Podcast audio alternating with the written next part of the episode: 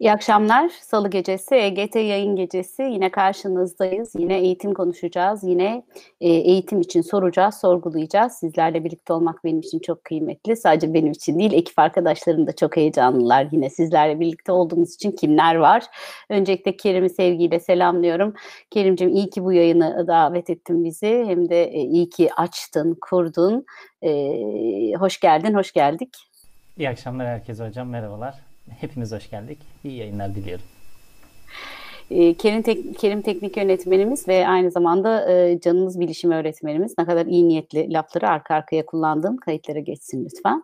Ee, arkasından tabii ekip bu kadar değil. Ekip çok e, canla başla çalışıyor bugün. Tarık e, Emir Ergün klavyenin başında başlıyoruz diye ilk tweet'i attı. O ilk tweet'i atan o işte e, ve ardından e, devamını atacak. Konuğumuzun konumuzun sözcüklerini tarihe yazacak. E, sizler de eğer retweet eder ve daha çok insana ulaşmasına vesile olursanız ne kadar güzel olur. Belki bir kişinin daha e, konusu bu gecesi gündemi başka başka konular değil de hadi atıp tutmayayım onlara söylemeyeyim öyle şeyler eğitim olur, ne güzel olur.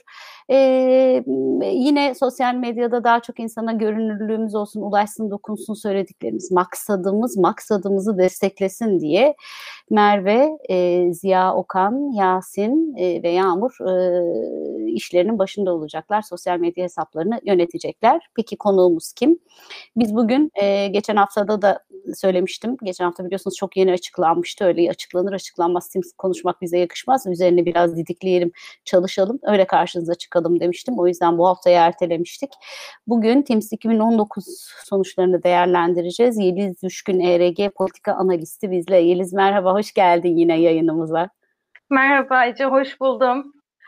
Uluslararası Matematik ve Fen Eğitimleri Araştırması TIMS 2019. Valla yani hani seni bugün bu hafta biliyorsun hadi konuk alalım diye aradığımda e, dedim ki Aa, araştırma oldu düştünüz elime diyeceksin biliyorum diye e, aradım. Hani hakikaten e, ne zaman bir araştırma olsa ne zaman e, dünya çapında bir e, ölçeğe gözümüz dikilse ölçekteki yerimize gözümüz dikilse senin gibi analistleri arıyor soruyor ve peşinden koşuyoruz. E, çok ilginç sonuçlar var ve ilginç sonuçlara ilginç e, bakış açıları var. E, ilk defa 4. sınıf matematik ve fen dersleriyle 8. sınıf fen testinde 500 puanın üzerine aştığımızı söylüyor rakamlar. Ama tabii bütün bunları yorumlamak isterim ben. E, önce şuradan başlayalım. Yani Teams'i konuşacağız ama yani hem ben ERG'den bahsettim hem de e, bu işin analist olması, iş, işin içinde analist olmaktan bahsettim. Biraz bize bunları anlatır mısın? E, ERG neler yapıyor? Son dönemdeki çıktıları neler? Sen neler yapıyorsun? Bir oradan başlayalım ne olur olur mu? Hı hı. Ee, tabii çok teşekkür ederim öncelikle. Sizinle birlikte olmak benim için de çok güzel. Ee, hem de böyle e, uluslararası bir değerlendirme çıktığında hakikaten bu heyecanı paylaşacak birilerinin olması da güzel. Çünkü bunu önemsiyoruz ve Yaşasın. daha fazla kişi de önemsesin diye e, konuşabilmek çok güzel. E, ne kadar fazla kişiye ulaşacağız şimdi. E, hep söylüyorum EGT yayınlar zaten çok öngörülü bir işti diye. E, yine Ağladım. onu tanıtlayacak. E, ben eğitim reformu girişimde çalışıyorum kısaca ERG. 6 seneyi geçti ERG'de e, çalıştığım süre şimdi. Ee, biz ERG'de neler yapıyoruz? ERG kar amacı gütmeyen bir düşünce kuruluşu. Ee, aynı zamanda projeler de üreten bir kuruluş. Sadece düşünce kuruluşu değil. Biz orada eğitim politikası alanında yani sadece eğitim alanında çalışıyoruz. Yüksek öğretimden önceki bütün kademeler e, bizim ilgi alanımıza giriyor. Bu alanda araştırmalar yapıyoruz, e, politika önerileri geliştiriyoruz. Türkiye'deki her çocuğun nitelikli eğitime erişimi için politikalara katkı yapmaya gayret ediyoruz. İzleme çalışmaları yapıyoruz. Aslında benim en fazla içinde rol aldığım çalışmalardan biri bu. Her yıl eğitim izleme raporu çıkarıyoruz e, ki bu yıl dosyalar halinde çıkardık. E, en son öğretmenler dosyası çıktı. E, evet göz atmak isteyenler olursa son bir yılda öğretmenlerin neler yaşadığını bu pandemi koşullarını da tabii dikkate alarak e, mercek tuttuk orada e, kapsamlı bir şekilde.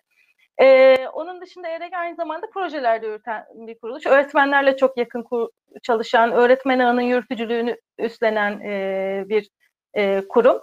E, ben de orada politik analisti olarak çalışıyorum ve en fazla uğraştığım şeylerin başında da bu verileri kurcalamak geliyor. E, neden bu kadar önemsediğimizi de tabii ben söylemek isterim. e, PISA gibi tıpkı TIMS'de önemsediğimiz çalışmalar bizim. Bunlar köklü ve uluslararası çalışmalar. E, TIMS, e, Uluslararası Eğitim Başarılarını Değerlendirme Kuruluşu tarafından yapılıyor. Uluslararası Matematik ve Fen Eğilimleri Araştırması. Türkiye evet. e, ilk defa 99'da katılmıştı buna. Daha da eski aslında ilk e, Türkiye'nin katılmadığı bir 95 uygulaması da var. 25 yıllık bir geçmişi var yani aslında bu uygulamanın.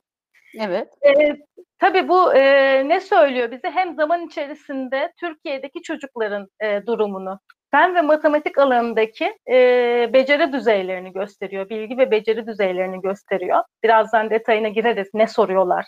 E, Hadi bakalım. Diye. Tamam. Hı hı. E, hem kendi içinde değerlendirme yapabiliyorsunuz Türkiye'deki çocuklarla ilgili hem de uluslararası karşılaştırmalar yapılabiliyor. E, neden önemli? İki açıdan yaklaşıyorum ben. Bir tanesi eğitim hakkı bakımından. Yani çocukların e- okula gidiyor olması eğitim hakkının gerçekleşmesi için yeterli değil. Çocukların öğrenmeleri öğrenme düzeyleri ne? Bunu bilmemiz gerekiyor. Burada beklenen bir gelişme, ilerleme var mı ki buradan e, e, eğitim amaçlarına ulaşıyor mu? Bunu anlayalım. Bir bu bakımdan ilginç ve önemli. Bir de e, sadece başarıya odaklanmıyoruz aslında. Biz ERG'de de öyle. Çocuğun iyi olma haline e, bakıyoruz. Bu araştırma ile birlikte de anketler uygulanıyor. Yani çocuklara bir yandan sorular soruluyor, yanıtlar alınıyor, bunlar puanlanıyor. Bir yandan da puanlanmayan anket soruları var. Yani başarıyla ilişkili olmayan. E, bunlar da çocukları daha iyi betimlemeye, başarının nedenlerini irdelemeye yardımcı oluyor ve bize çok önemli aslında e, içgörüler sunuyor Türkiye'deki çocuklara dair. Onların okulu sevip sevmemesi, derslerini sevip sevmemesi, e, öğretmenleriyle ilişkilerine dair. Öğretmenlere, velilere ve okul müdürlerine de anket uygulanıyor. E, onlar da okulu e, anlatan, okulun koşullarını, öğretmenlerin koşullarını anlatıyor.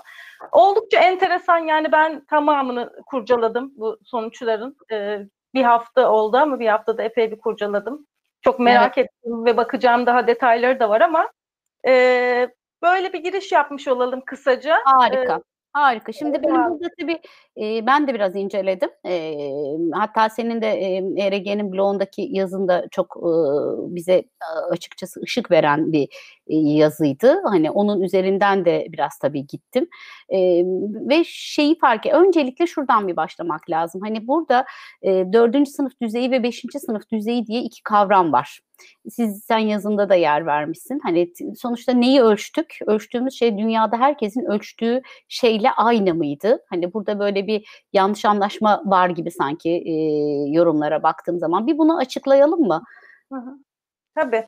Yazıyı da ekip olarak hazırladık bu arada. Ekip arkadaşlarıma da selamlar. Hepsinin de eline evet. sağlık. Hemen hızlıca bir günde çıkardık e, bir arada kurcalayarak o uzun siz raporu. Bu konuda, siz bu konuda ekip olarak gerçekten çok yol aldınız. Yani evet. e, yani eğitim reform girişimini saygıyla selamlıyorum. E, e, güvenilir kaynak yaratmak, teyit edilmiş bilgi, teyit edilmiş bilginin üzerine kurulmuş bir hani düşünce sistematiği. E, söylediğinizin üzerine çok söz bile söylenmiyor açıkçası. O kadar kıymetli, çok güzel şeyler. Herkesi tebrik ediyorum. Çok çabalıyoruz. Teşekkür ederim ben de böyle düşünmene çok çok sevindim. Ee, şimdi bu e, değerlendirme iki sınıf düzeyinde yapılıyor. Bir dördüncü sınıf, bir sekizinci sınıf. Rapor boyunda da, boyunca da hep böyle anlatılıyor. Dörtler ve sekizler evet. diye. Ama evet. bazı ülkelerde dörtlerin yerine beşler giriyor. Türkiye'de buna dahil oldu bu sene. Türkiye'nin dışında bir iki ülkede daha durum bu. Bunun nedenini e, sorarsanız da şöyle, e, bunu ülkelere bırakıyor TIMS e, ekibi. Neden ülkelere bırakıyor? Çünkü her ülkede okula başlama yaşı aynı değil ve TIMS'in ölçtüğü e, bilgileri, becerileri e, kazandırmayı hedeflediği düzey aynı değil. Sınıf düzeyi olarak aynı değil. Orada yaşa evet. bakmak biraz daha iyi bir e, seçenek oluyor ve Türkiye'de 5. sınıfa gidenlerin yaşı e, TIMS ortalamasına daha yakın. Yani TIMS'te, TIMS'e 4. sınıf olarak katılan ülkelerdeki çocukların yaş ortalaması 10.2'ymiş. Türkiye'de de 5'e gidenlerin 10.6 ortalama yaşı. Dörtler hmm. daha küçük kalıyor. Yani şey daha yakın. E, beşler hmm. daha yakın. E, o sebeple de bu tercih edildi. E, hmm. Tabii bizim açımızdan şöyle bir farkı da var. Dörtler e, ilkokul, beşler ortaokul. Tabii. Bu da zaten hani bir sebebi. Bir yandan da bu değişiklik yapıldı şimdi. Önceki evet. yıllarda dörtler katılmış. Artık evet. e, biz eski yıllarla bu yılda dördüncü sınıflar için çok karşılaştırılabilir bulmuyoruz böyle olduğu için. TIMS'in ana Aa. raporunda da karşılaştırma Türkiye için yok. Dördüncü hmm. sınıfta çünkü karşılaştırma grafikler konmamış Türkiye'de bu sebeple. Evet. Ama bize yine de fikir verir. Yani biz yine de hani arttı diyoruz. Mesela dörtler için de arttı diyoruz ama aslında orada bir değişiklik var. Evet. Yani bu yıl beşler girdi. Onu bilerek söylüyoruz ama yani. Peki Gökhan Atik demiş ki hemen ben diğer sorulara e, rapora e, detaylandırmadan önce e, böyle e, sanki biraz daha üstten bakacak bir soru gibi geldi okumak istiyorum. TIMS verileri gerçekten uluslararası bir ölçekteki yerimizi e, belirtiyor mu? Realdeki durumumuzu yansıtıyor mu Yeliz Hanım'a göre demiş. Ne dersin?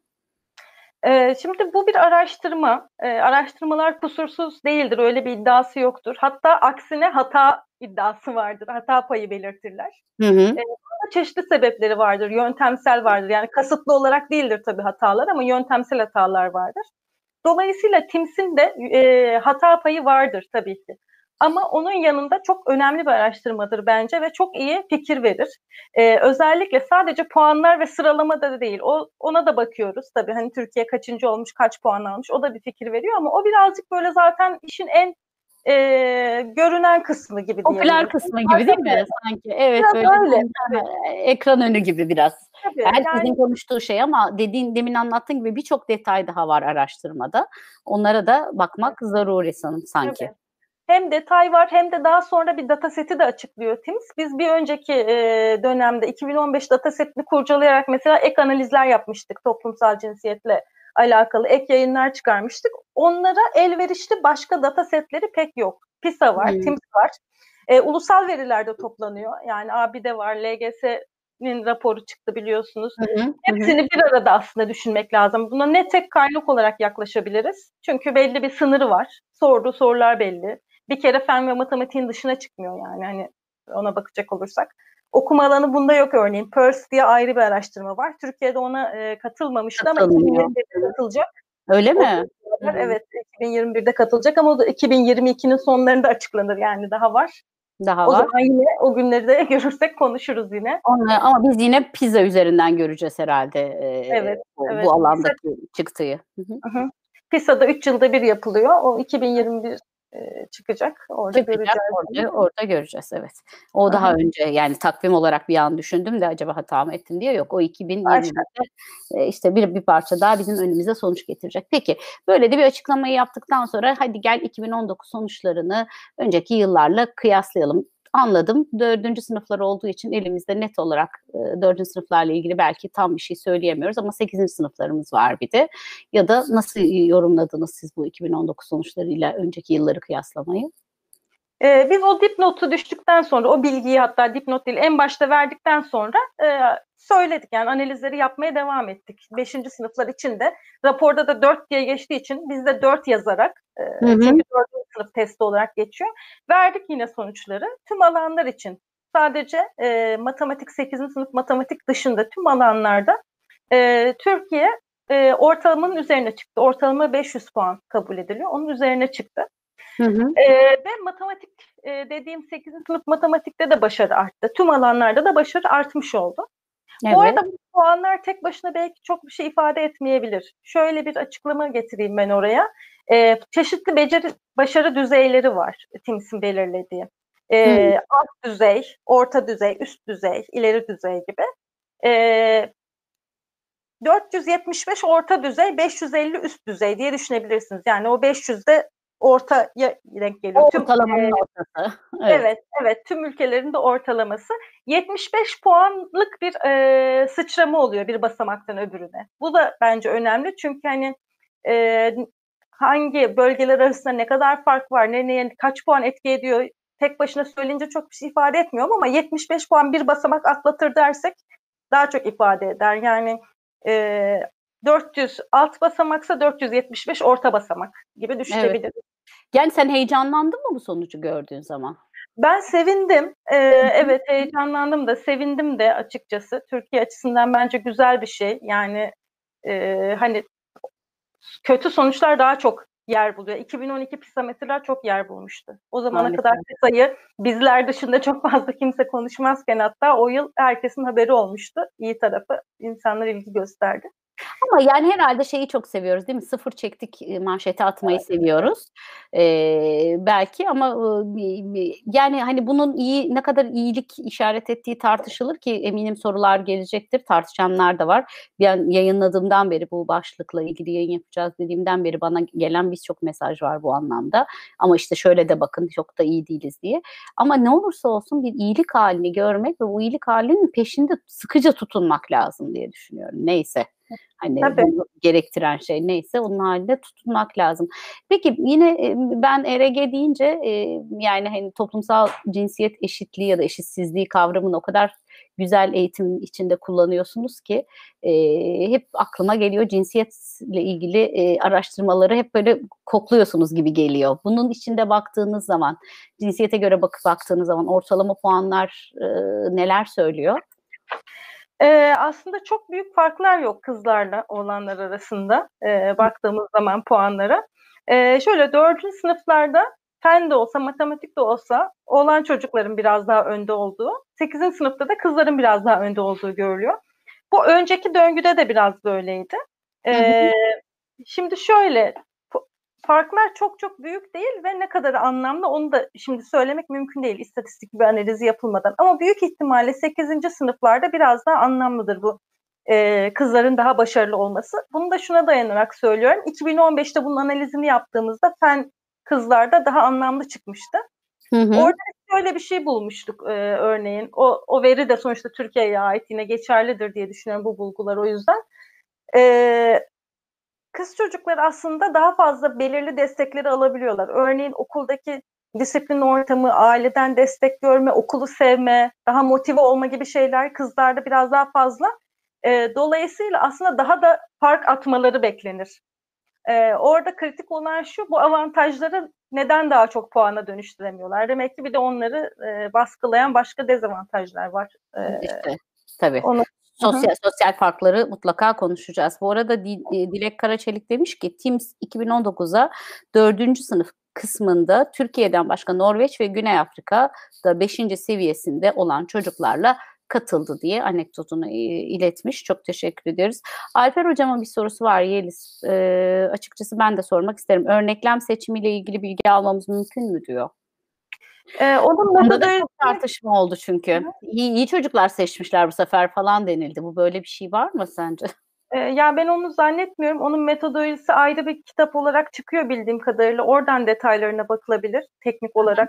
Çok Hı-hı. daha teknik bir e, açıklaması vardır onun. Hani benim de şu anda e, hemen aktarabileceğim gibi değildir. Yani ben ona yani öyle bir kanıt yok ortada diye düşünüyorum ha. daha doğrusu.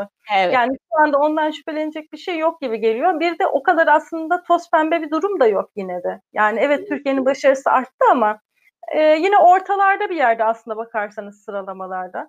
E, sonra ha. birazdan paylaşacağım aslında hani e, çarpıtılmıştır diyemeyeceğimiz e, çok da olumlu olmayan veriler de var öğrenci anketiyle ilgili. Hmm. E, Hatta müdür anketiyle ilgili de müdürlere örneğin yapılan ankette okulunuz ne kadar başarı odaklıdır diye bir soru var. E, bunu ölçüyorlar. Hı. Türkiye'de evet. mesela o kadar da yüksek çıkmıyor. Ee, oldukça düşük çıkıyor yani Türkiye'de başarı odaklıdır, çok başarılı odaklıdır diyen müdürlerin oranı. Ve bu da aslında başarıyla alakalı mesela. Bu bence oldukça enteresan e, şöyle düşünüyorum yani e, hiç tabii yine de böyle sansasyonel konuşmamak lazım ama çarpıtılacak olsaydı mesela müdürler de hani sanki daha pozitif yaklaşırlar. Her yerde Hı. ya da araştırmanın her yerinde belki daha pozitif sonuçlar görülürdü e, gibi düşünüyorum. E, yani olabilir. Birileri bulursa bir kanıt paylaşırsa e, işte. Evet. İlgilenirim. Ama evet. şu anda şu andaki şu anda yok e, elimizde böyle bir e, aksinin kötü olduğunu ya da işte değer biz de, yani araştırma sonucunu değersizleştirebilecek nitelikte bir kanıt yok elimizde diyorsun. Peki e, ben yine o anketlere döneceğim ama sosyal sosyoekonomik düzeyle başarısı arasındaki ilişkiyi de sormak istiyorum sana. E, yani yine içimiz acıyacak tabii biliyorum ama acısın içimiz boş ver söyleyelim. Ne diyor araştırmalar? Evet, e, tüm araştırmalarda olan şey burada da oluyor. Sosyoekonomik durumu bir girdi gibi düşünürsek bu çıktılara her zaman yansıyor. E, aileden alınabilen destek, e, ev kaynakları, evde nelere sahip olduğu üzerinden soruluyor daha çok sosyoekonomik durum. Burada başarıyla ilgili başarıyla bir paralellik var. E, hem de oldukça yüksek bir e, puan aralığına denk düşüyor. Örneğin dördüncü sınıf matematik için bakarsak, yani Türkiye'de beşlerin girdiği ama ben dört diye devam ediyorum.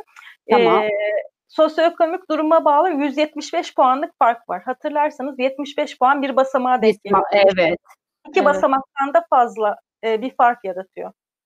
E, tabii bunun yine dediğim gibi detaylı analizi lazım ki bu neden böyle oluyor. Yani LGS raporunda da çıkmıştı hatırlarsan. Özellikle annenin e, çalışma durumu, eğitim düzeyi çok etkili çıkmıştı. Sosyoekonomik Evet. deyince sadece maddi durum değil bildiğiniz gibi eğitim düzeyi de giriyor bunun içine.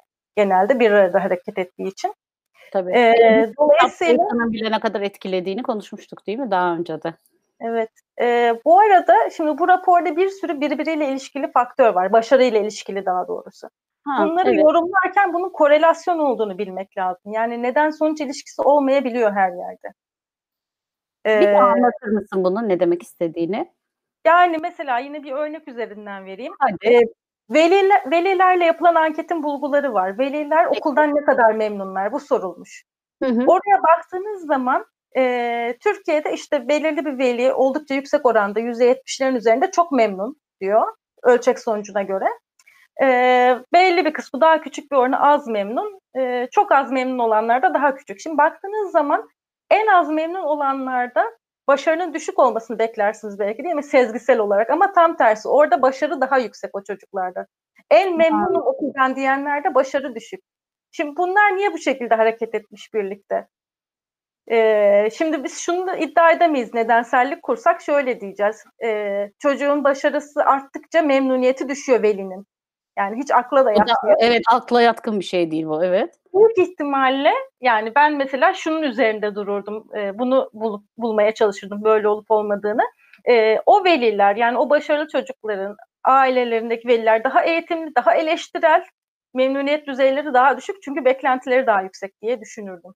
Ha evet. E, yine bakarsak mesela Singapur hani birinci sırada bu e, değerlendirmelerde orada da veli memnuniyeti mesela pek yüksek değil. Hani demek ki her zaman e, böyle her şeyin bir arada yükselip bir arada indiği bir durum da yok. Nedensellik de biraz e, daha ileri bir adım yani onu kurmak için çok bir arada daha karmaşık bir şeye bakmak gerekiyor.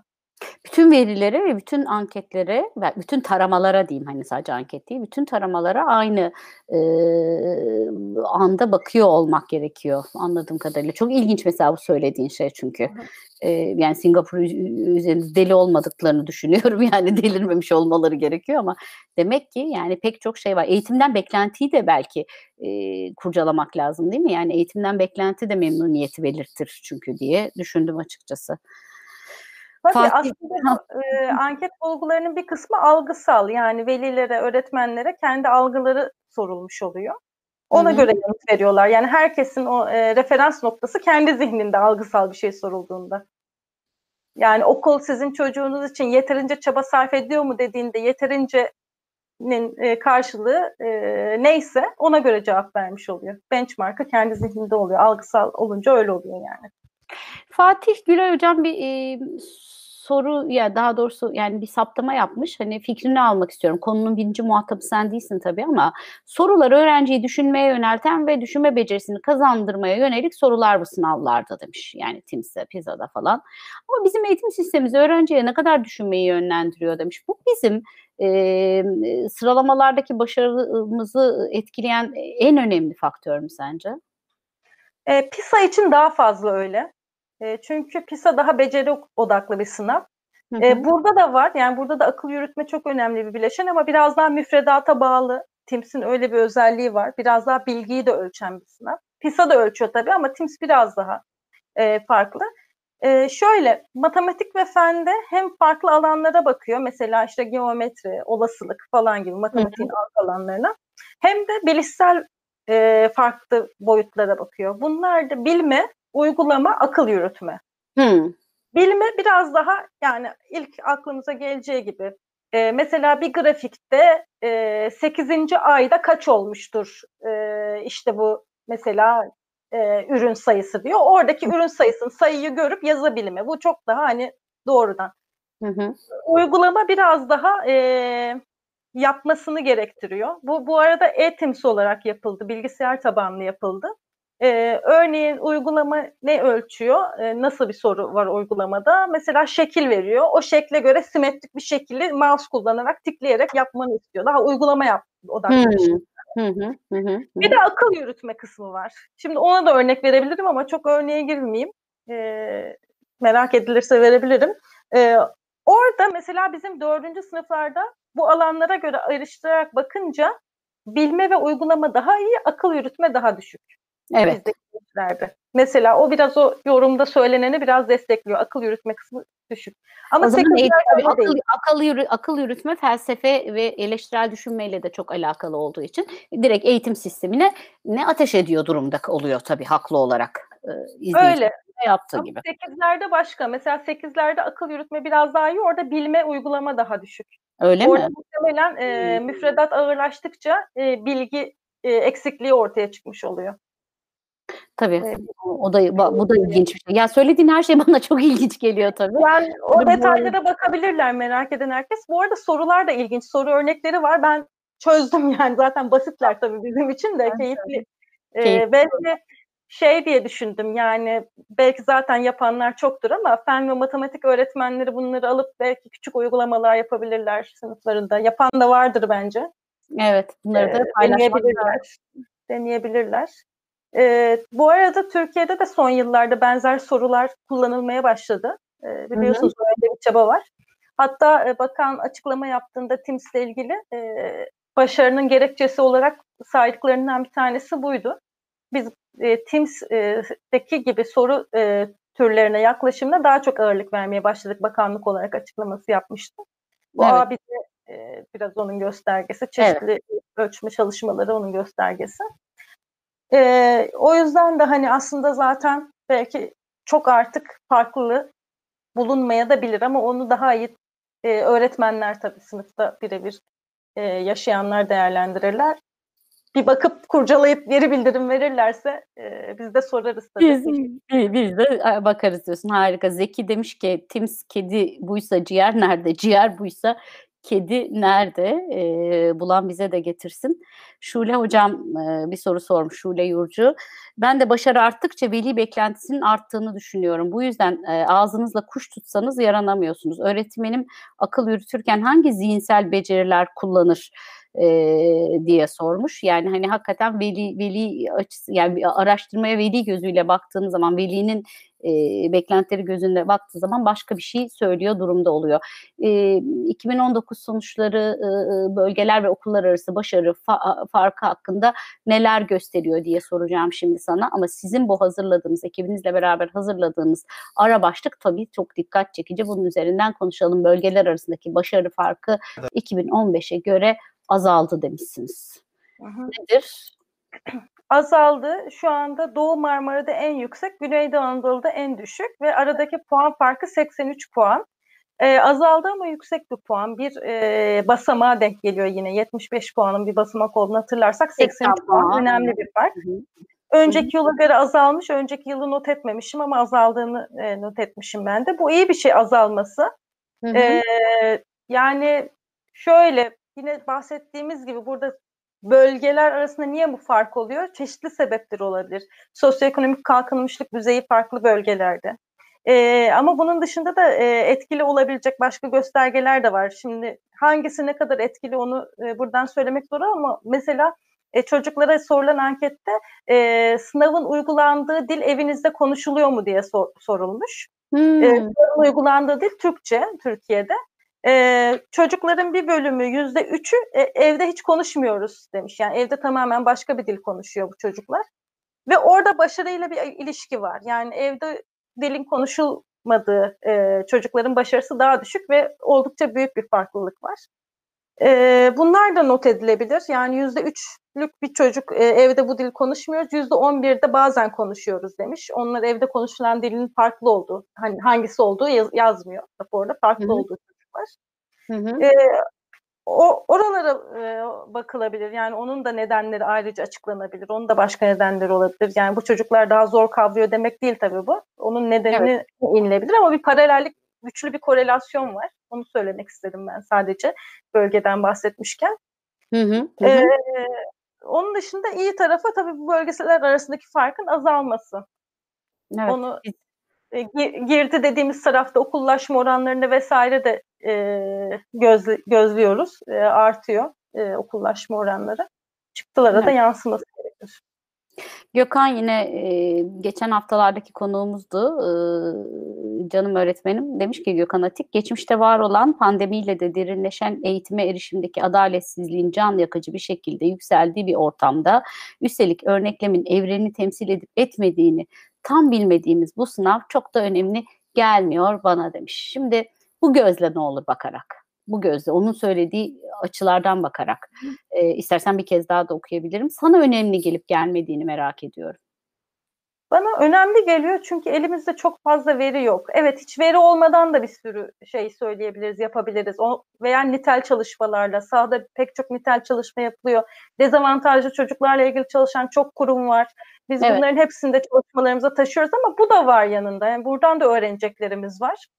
Ee, bir de dediğim gibi bence o kadar büyük bir e, pembe tablo da zaten burada çizilmiyor. Başarının artması güzel. E, kendi içinde bence bu araştırma değerlendirilebilir. Mesela bütün alanlara da bakmıyor. Fen ve matematiğe bakıyor.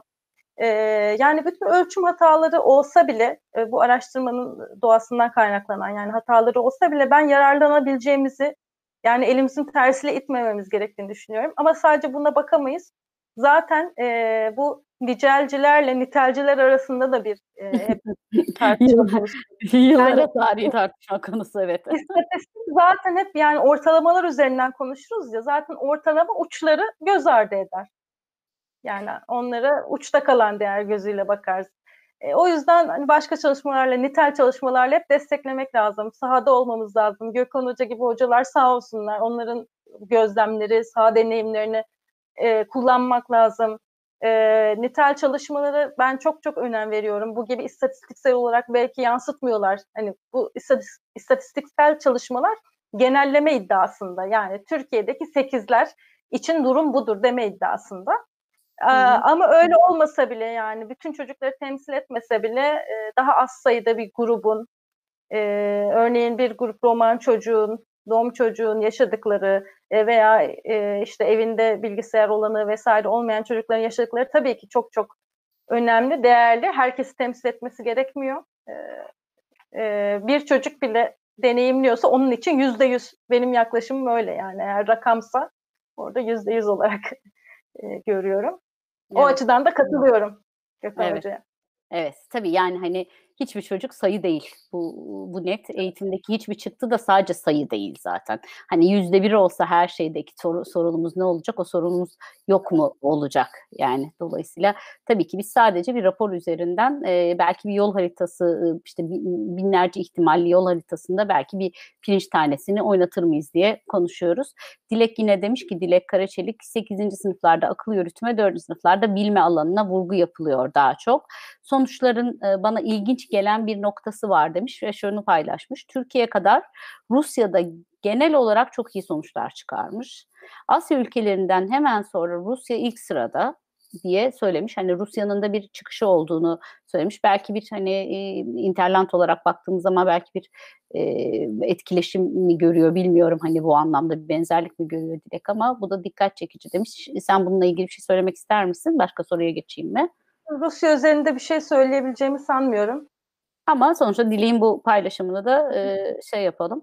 E, Zeki demiş ki bu yüzde üçlük evde konuşulmayan dil oranı ana dilde eğitim hakkını düşündürtüyor mu bizlere diye sormuş. E, düşündürtüyor mu? Düşündürtmez mi? Tabii ki düşündürtüyor ama hani e, bunu bu şeyden mi ölçeklerden mi okuruz? Hani sadece işte o zaman da Gökhan'ın dediğine geliyorum. Hani bu, burada okuduğumuz o yüzde üçlük şey bir, pek bir şey ifade etmiyor. O bir tane bir çocuk bile ana dilinde eğitim alamıyorsa, kendi anlayamıyorsa yaptığı şeyleri bizim bunu zaten düşünüyor olmamız lazım. Ozan Demiralp katılmış. TIMS'de puan artışında 2004 programlarını öğretmenlerin daha etkin kullanması etkili demiş. Bugün 10-15 yıllık öğretmeni 2004 programları içinde öğretmen olduğu yapısal değişiklikle yapısal bir değişiklikle karşılaşmadı. Yıllar ile artış devam edecek bence diye söylemiş. Ne dersin? Yani hani 2000 biz eski yıllarla kıyaslıyoruz ya orada tabii bir yapısal değişiklik vardı. Öğretmenler çok etkilendi. Şimdi artık yapısal değişiklik yok. Öğretmenler bu işin içine doğdu, yerlisi oldu diyor. Ozan katılır mısın? Ee, iyi bir yaklaşım. Bence ona da dikkat etmek lazım. Açıkçası benim aklıma gelmemişti. Ee, tabii ki çok çok kritik. Ee, hem öğretim programlarında yaşanan değişiklikler e, hem de öğretmen e, nüfusunun aslında zaman içerisinde değişmesi de evet. bence bir o kadar önemli. Ee, yani orada Türkiye mesela bu şeye de yansımış, sonuçlara da yansımış. En genç öğretmen nüfusunun olduğu yer olarak çıkmış yine. Evet, yani ben... bu kadar genç öğretmenin girdiği, atamaların olduğu bir alanda yenilenme zaten sırf bu yüzden bile aslında olmalı diye düşünüyor insan. Evet. Ee, yani gerçekten çok önemli okul bir... iklimi de konuşacağız zaten. Ben okul iklimi sorusu aklımda yani hani o iklimle ilgili şeyler ne söylüyor onu bir konuşacağız. Mustafa Çelik katılmış yorumuyla demiş ki eğitimin temel paradigması ilişkilendirme temelli bilgi işlemsel düşünme becerinin etkinliği üzerine taşınıyor. Bu öğretim öğelerinin kurgusal boyutta tasarımlanarak ele alınmasını zorunlu kılıyor. Bu da Teams Pizza sonuç sorularının hedefi oluyor demiş. Yani ilişkilendirme temelli soru, bilgi, işlemsel düşünme becerilerinin e, öne çıkarıldığı sorular çok önemli diye bir yorum yapmış. Peki biraz da e, okul ikliminden bahsedelim. Hani hakikaten okula aidiyet, okul iklimi, öğrencinin iyi olma hali. Hani sen dedin ya biz e, sayılara hep öğrencinin başarı olarak değil, öğrencinin iyi olma hali olarak bakıyoruz dedin açılışta ERG'den bahsederken. Öyle baktığınız zaman madem ERG gözüyle baktığınız zaman neler söylüyor e, TIMS? Tabii. Ee, bir kere başarıyla okulda mutlu olma, kendini okula ait hissetme her zaman bir arada gitmiyor. Onun pek çok göstergesi var. PISA'da da vardı bunun böyle evet. olmadığını göstergeleri. Hı-hı. Eğitimin tek amacı da zaten akademik başarı değil. Ee, ve bunlar arasında bir de ikisi arasında ilişki de var. Şimdi Türkiye'de Hı-hı. bakarsak okula aidiyet genel olarak yüksek. Uluslararası ortalamanın üzerinde. Evet bu hep dikkat çekiyor. Yani bu kadar hani aslında hep de soruyorsun yani okulda sıkıntı var, sıkıntılar var, eğitim sistemimizde sıkıntılar var. Çocuklar başarısız ama çocuklar okula gitmek istiyorlar, okullu olmak istiyorlar ve okulu istiyorlar yani. Biz bunu görüyoruz. Evet, şimdi biz TIMS sonuçlarına bakar, bu sonuçlara güvenirsek ki o yüzden bu programdayız. Her ne kadar hani evet. çok olsa da e, çocuklar Türkiye'de e, kendilerini okula ait hissediyorlar yüksek oranda e, matematik öğrenmeyi, fen öğrenmeyi seviyorlar. Özellikle fen alanında kendilerini özgüvenleri yüksek. Ama e, buna rağmen başarı çok yüksek değil. Evet yükseliyor ama ortalarda. Bu aslında başlı başına çok enteresan bir tablo. Bu kadar çok e, severken e, okulu ve dersleri e, daha da iyi olmasını yine sezgisel olarak düşününce bekleriz ve isteriz. Biz ee, severek ayrılma kültürünün çocuklarıyız ondan bence.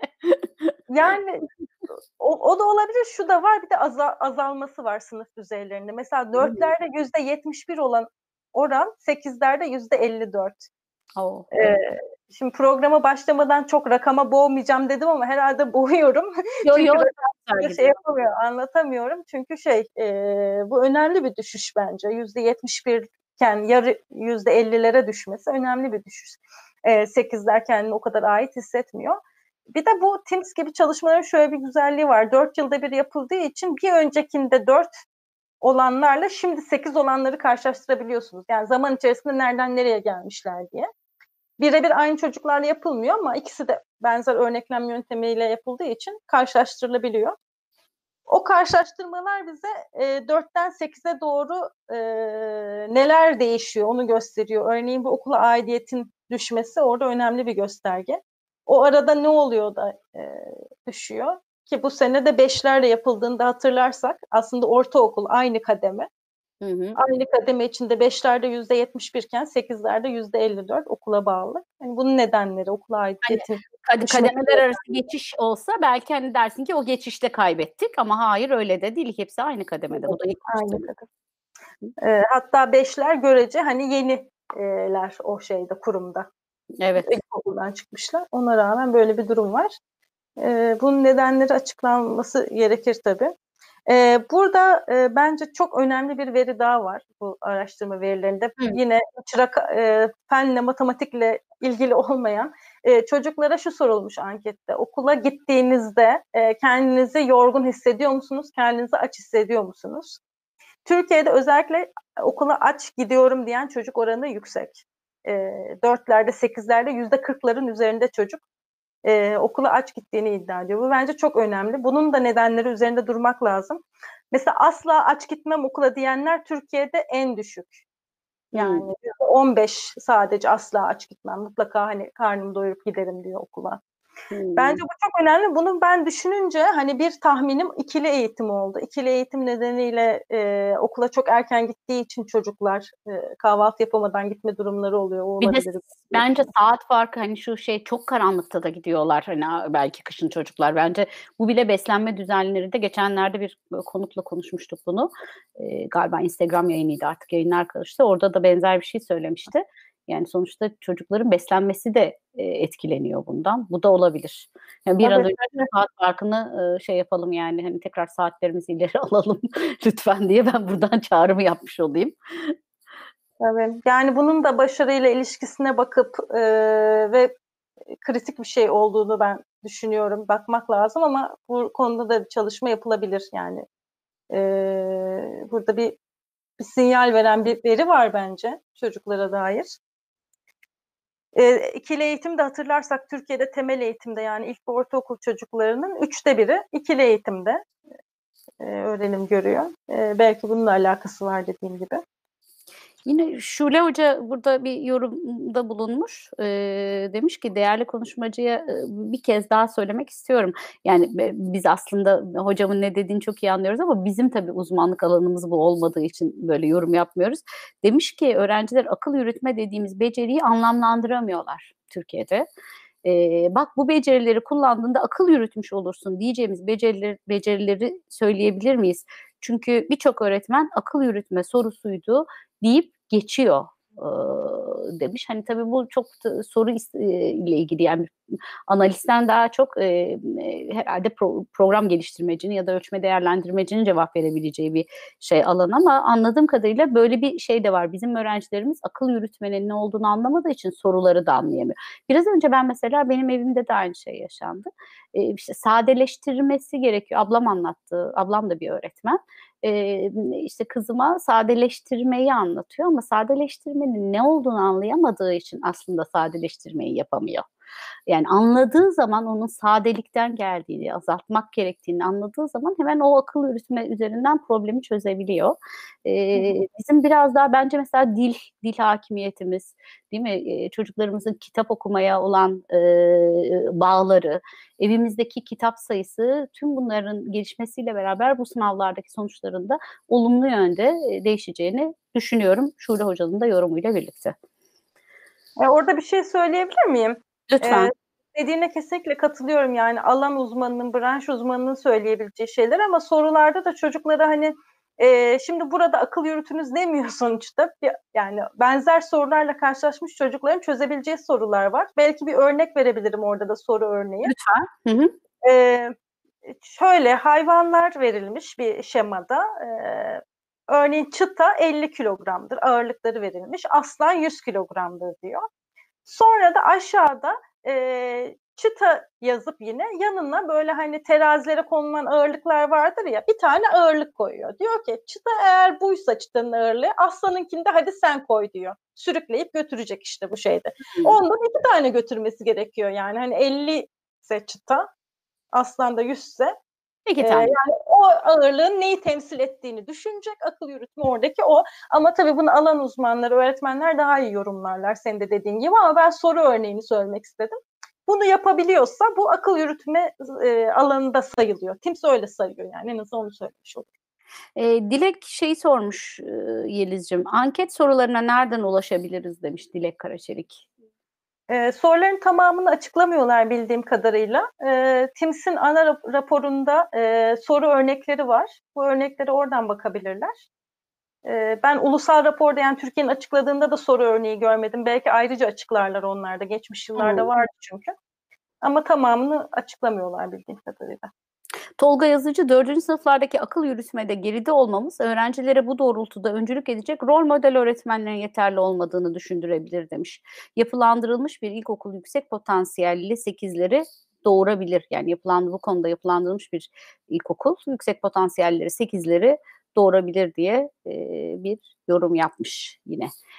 Peki biz biraz daha yine rapor üzerinden gidelim. Hani senin özellikle benim atladığım, Ece şunu da sor diyeceğim bir şey var mı? Hani yorgun aç çocukları konuştuk, yorgun olmalarını konuştuk, okul iklimiyle ilgili, okul aidiyetini konuştuk, müdürleri konuştuk. Ede, e, belki müdürlerle ilgili birkaç bir şey daha söylenebilir mi? Çünkü çok müdür var şu anda görüyorum da bizi izleyen.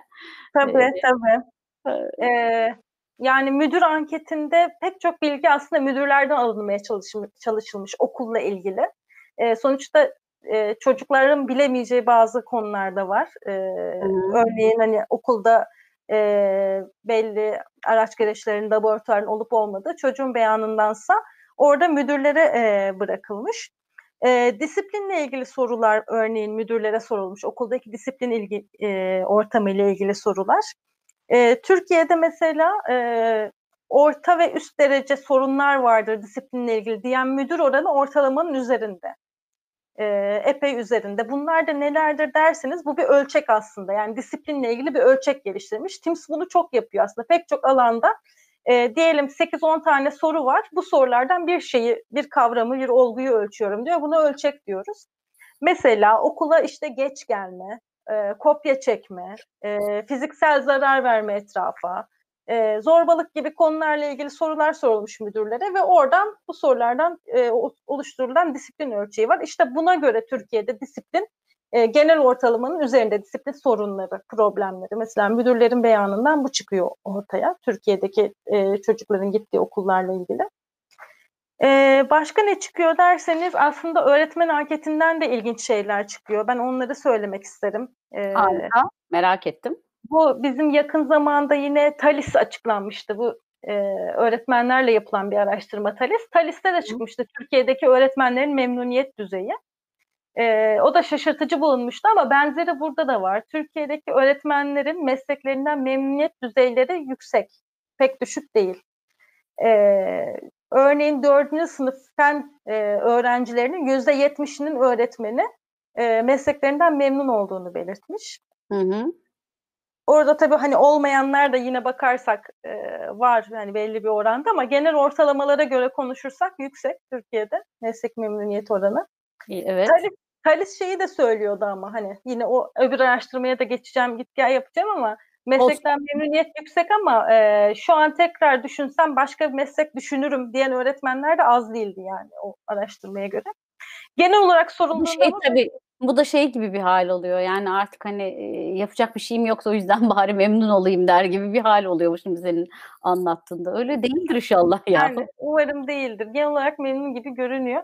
Ya orada mesela şöyle Tims'in şöyle bir tarafı da var benim hoşuma giden. Sadece Türkiye ile ilgili değil. Merak ediyorsanız başka ülkelerle ilgili de sadece TALIS verileri verileri bile az TALIS diyorum. TIMS verileri bile aslında bir fikir edinmeyi sağlıyor bence az çok e, ve insanın merakını arttırıyor. Mesela ben e, TIMS verilerine bakınca Kosova ile ilgili merakım epey bir arttı. Neden derseniz burada öğretmenler çok memnunlar. Arnavutluk'ta çok memnunlar. Yani ne oluyor da buralarda öğretmenler bu kadar memnun? Oranlar gerçekten çok yüksek. %90'ların üzerinde çok memnunum diyen oranı. Hani belki oradan öğrenilecek şeyler vardır. Ee, neydir öğretmenleri orada o kadar motive kılan? Bir Finlandiya'ya değil de artık Kosova'ya gidin diyorsun yani. değil, oralarda o kadar yüksek değil. Ee, evet. Hani o, gerçekten farklı örneklere bakmak lazım. Bir de ne oluyor da böyle oluyor? Aslında onu merak ediyorum ben. Tek başına yüksek veya alçak e, evet bir bilgi sadece. E, mesela hani bu başarısı çok yüksek olan ülkeler e, Singapur, Çin e, buralarda mesela o kadar da yüksek değil e, meslekten memnuniyeti. Bu da ilginç. Hepsinde değil en azından. Burada mesela Dilek güzel bir yorum yapmış. Ben de e, aslında düşündürüyor da yani haklı da. Gerçek değerlendirme anket sonuçlarını da değerlendirmesiyle olur diyor. Yani hani sadece oradaki skorlara değil yani sayılara değil anketleri aynen sizin de yaptığınız gibi ekip olarak değişkenlerin neler olduğunu bilmek birçok sorunun aslında cevabı ya da düşündürmeye vesile oluyor hepimiz diyor. Sen de benzer bir şey söylüyorsun zaten. Yani anketler e, ilginç sonuçlar söylüyor. Ee, yine hani öğretmenler çok izliyorlar bu yayını. Onu da bilerek öğretmenlerle ilgili ilgimi çeken bir şeyi paylaşmak isterim ben. Vakit var değil mi? Var var da olur devam et. Ee, bir tanesi bu hizmet içi eğitim meselesi. Ee, biz tabii ERG'de sadece buna hizmetçi eğitim, eğitim alma verme olarak çok yaklaşmıyoruz. O önemli bir şey tabii eğitim e, önemli bir mesele ama bir mesleki güçlenme olarak daha bütünlüklü bakıyoruz. Yani öğretmen arada mesela bunun için var. Öğretmenlerin birbirlerinden öğrendiği, beslendiği bir an. Bu araştırmalarda daha çok hizmetçi eğitim üzerinden gidiyor ama. Çünkü orası daha kolay veri toplanabilen bir alan. Ee, öğretmenlere ne kadar hizmetçi eğitime katıldığı soruluyor. E, Temiz'de de e, son iki yıl içerisinde almış olduğu hizmetçi eğitimler sorulmuş. E, tabii bu soruların muhatabı sadece 4 ve 8. sınıfların yalnızca fen ve matematik öğretmenleri. Tüm öğretmenler değil, onu hatırlamak lazım. Hı-hı. Orada mesela Türkiye'de eğitim alanların sayısı oranı düşük e, şeye Hı-hı. göre, genel ortalamaya göre. Ve ihtiyaç duyarım diyenlerin oranı ise yüksek genel ortalamadan. Mesela bu çok akla yatkın, beklentiye de uygun bir şey. Yani evet. Ve o ihtiyacı hissediyordur. Ve umarım karşılanır. Aslında buradan böyle şeyler çıkıyor. Yani biraz da bize böyle notlar da çıkıyor. Orada da yine enteresan bir şey daha dikkatimi çekiyor. Onu da söyleyeyim. Ben böyle farklı ülkeleri de epey bir tabii göz attım orada. Ee, bu hizmetçi eğitimlere katılım mesela Japonya'da epey bir yüksek. Japonya aynı zamanda başarının da yüksek olduğu bir ülke. Ama Japonya'da ben daha fazla hizmetçi eğitim istiyorum diyen öğretmen oranı da çok fazla. Yani ha, çocuklardaki başarı yüksek, eğitim hizmetçi eğitim yüksek ama daha fazla istiyorum, daha fazla ihtiyaç hissediyorum demek de yüksek. Yani o his, ihtiyacı hissetmesi de e, öğretmenlerin önemli bir şey herhalde. Japonya'da, Çin'de mesela başarı skorlara bakarsak hani öğrenci başarısı yüksek. Orada da daha fazla e, hizmetçi eğitime ihtiyaç duyuyorum diyen öğretmen oranı yüksek e, genel ortalamada. Bunu ekleyebilirim diye düşündüm. Alper Hoca demiş ki öğretim programları ve de öğretmenlerin alan yeterliliği bizim sınavlarımızda çok önemli faktörler. TIMS sınavına da etkisi vardır diye düşünüyorum bu iki faktörün demiş. Yani öğretim programlarımızın ve öğretmenlerin alan yeterliliğinin e, etkisi olduğunu düşünüyor e, hocam. Mustafa Sadak e, hocam demiş ki TIMS 2015 sonuçları üzerine 7 Avrupa Birliği ülkesi üzerinden hiyerarşik lineer modelleme yöntemiyle hazırladığım doktora tezimde öğrenci başarısıyla en çok ilişkili olan öğretmen faktörü sınıf yönetimi olarak ortaya çıkmıştı. Bu konuda ne düşünüyorsunuz demiş. Bununla ilgili aslında sorular var TIMS'te. Şu an karşımda değil onların sonuçları ama orada şöyle bir şey var, başlık var TIMS'te e, eğitim öğretimi güçleştiren faktörler nelerdir diye. E, hmm. Oralarda bunun belki aranması lazım. Öbürü alan yetkinliğine gelince de tabii alan yetkinliği burada ölçülmüyor. Aynı anda çünkü öğretmenlere bir test uygulanmıyor alan yetkinliklerini ölçen. Evet. Ee, ama o bahsettikleri olguyla ilgili çalışmalar ben de gördüm. Burada ne var derseniz yani TIMS'te bu konuda en fazla ne buluruz derseniz şu var. Ee, öğretmenlerin e, branş öğretmeni mi oldu yoksa sınıf öğretmeni mi oldu soruluyor veya her ikisini birden almış mı bu soruluyor yani eğitim olarak hizmet öncesi eğitimde. Ee, bir tek bu var. Onun dışında öğretmenin yetkinlikleriyle, yeterlikleriyle ilgili bir şey bu şeyde bulunamıyor. Öyle bir şey yapılamıyor. Dolayısıyla o, o gözden sorgulama ihtimalimiz yok burada. Ama başka burada yok. Yine dediğim gibi başka ölçeklerde belki değil mi? Başka şey taramalarda belki buna ulaşıyoruz zaten diye ee, düşünüyorum. Ben, evet, bununla ilgili Hanım, Hanış Ekim bir çalışmasını görmüştüm evet. örneğin. Onun kullandığı şeyi e, bakmak lazım.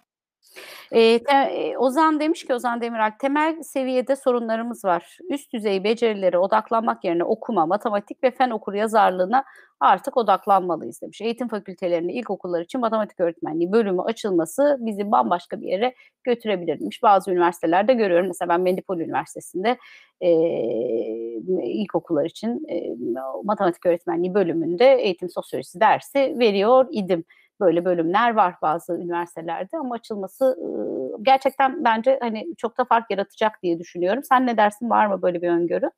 Yani öğretmen yetiştir yani bu spesifik bu konuda yok ama öğretmen yetiştirmenin genelinde zaten çok e, değişiklik ihtiyacı olan alanlar var.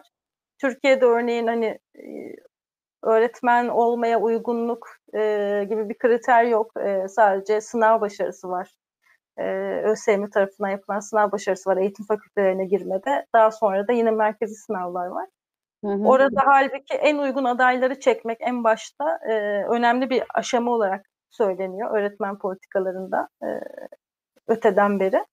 E, orada Türkiye'de o çeşitli aşamalar aşamalarda yetiştirme, e, mesleğe seçme aşamalarında tabii e, çok o modellere uygun bir ilerleme yok.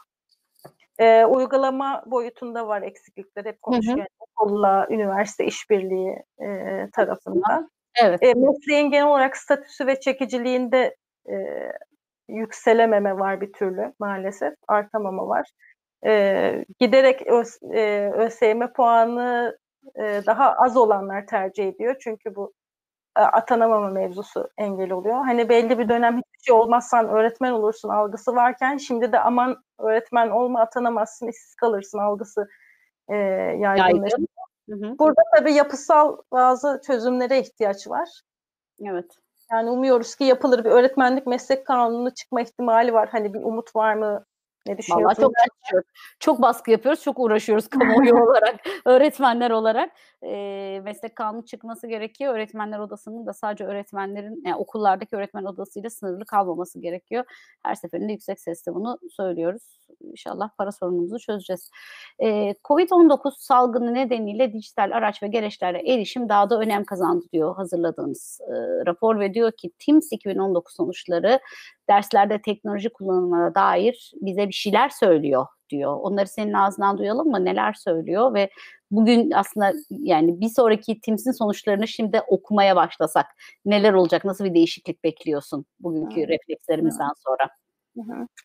Tabii. Ee, yani bu öğretmenlere sorulmuş, öğretmen anketinde sorulmuş. Derste kullanıma uygun e, bilgisayar olup olmadığı, evdeki bilgisayardan hmm. bağımsız olarak okullarda. E, Türkiye'de bu o genel ortalamanın altında yüzde 15-20 civarında e, matematik ve fen dersi için tabii kullanılmaktan bahsediliyor. E, diğer derslerde e, olabilir başka derslerde ama bu dersler özelinde düşük görünüyor. Genel ortalamalar yüzde 40'larda, 40-48 civarında. Türkiye'de daha düşük. E, Türkiye'de e, bu e, çalışmanın yapıldığı zamanda yani 2019'da e, e, online olarak, çevrim içi olarak veya dijital araçlarla bir sınava girme deneyimi de düşük Türkiye'de çocukların genel olarak. Hı hı. E, şimdi bu içinden geçtiğimiz süreçte tabii bu deneyimi olan çocuk sayısı artacak giderek. Şu an her ne kadar hani e, henüz öyle uygulanmış bir sınav yoksa da en azından e, öğretmenlerin yaptığı uygulamalar, ödevler vesaire yoluyla ona aşinalık artmış olacak. Bu zorunlu acil bir şekilde e, öğrenilmiş oldu yani pek çok şey. E, bu dijital araç gereçler de öyle girmiş oldu. Öyle girdi. Ama acil uzaktan eğitim şeklinde başladık evet. Ama bunun başarıya bir yansıması olur mu? Ben onun öyle çok kısa sürede olabileceğini de çok zannetmiyorum. Çünkü teknolojiyi e, dahil etmekle e, benim çok hakim olmadığım teknopedagojik alan bilgisi arasında fark var. Yani teknolojiyi eğitim çıktılarını, eğitimi daha iyi hale getirmek için kullanma. Ee, başka bir şey diyorlar bu alanla daha hakim olanlar. Ee, yaptığın işi yaparken orada teknolojiyi kullanmak başka bir şey. Teknolojiyi e, e, eğitim öğretimin yararına, eğitim niteliğini iyileştirecek, eşitsizlikleri azaltacak, e, erişimi arttıracak bir e, şeyle, yaklaşımla kullanmak, öyle bir araç haline getirmek başka bir şey tabii. Evet. Mustafa Çelik bir e, ölçme değerlendirme uzmanı. E, Gaziantep Milli Eğitim Müdürlüğü'nde imiş hocam. E, bir ölçme değerlendirmeciden e, şey gelince, yorum gelince e, iki kat e, şey bakıyorum, odaklanıyorum açıkçası. Bilgiyi işleyebilen e, kavramsal, kuramsal ve kurgusal çerçevede bilgiyi tüm boyutlarıyla ele alırken çoklu düşünme becerisini etkin kılan bakış açısının üretken bir kapasiteye ulaşacağını düşünüyorum demiş. E zaten işte ölçme değerlendirmecilerden de onu bekliyoruz yani bizi bu anlamda e, donatmalarını açıkçası işte sistemi donatmalarını bekliyoruz. Tam da yerinde Mustafa Hocam e, bu söylediğinin arkasında e, izindeyiz demek istedim ben de okuyunca. Senin söylemek istediğin bir şey var mı bilmiyorum tabii ama. Teşekkürler yok. Peki yavaş yavaş sonuna geldik. Bakıyorum kaçırdığım bir soru var mı? Avrupa İnsan Hakları dakik algoritmik düşünen insanlardan oluşur. Bizim atasözümüz olan bugün işini yarını bırak bu atasözünü en iyi anlayan, yorumlayan toplumlardan oluşur. Bizim gelişmemiz için dakik hareket eden algoritmik düşünen bireyler yetiştirmemiz gerek demiş bir hocam da. E, onun da son e, yorumunu okuyayım ve e, saati 22 yaptık. E, seni de daha fazla ara, alakoymayalım. E, yakında e, onun eğitimini konuşacağımız, geleceğimizi şekillendirecek küçük evde bir e, insanımız var. Evet. Onu sevgiyle e, kucaklıyorum, öpüyorum uzaktan uzaktan. E, çok teşekkür ediyorum.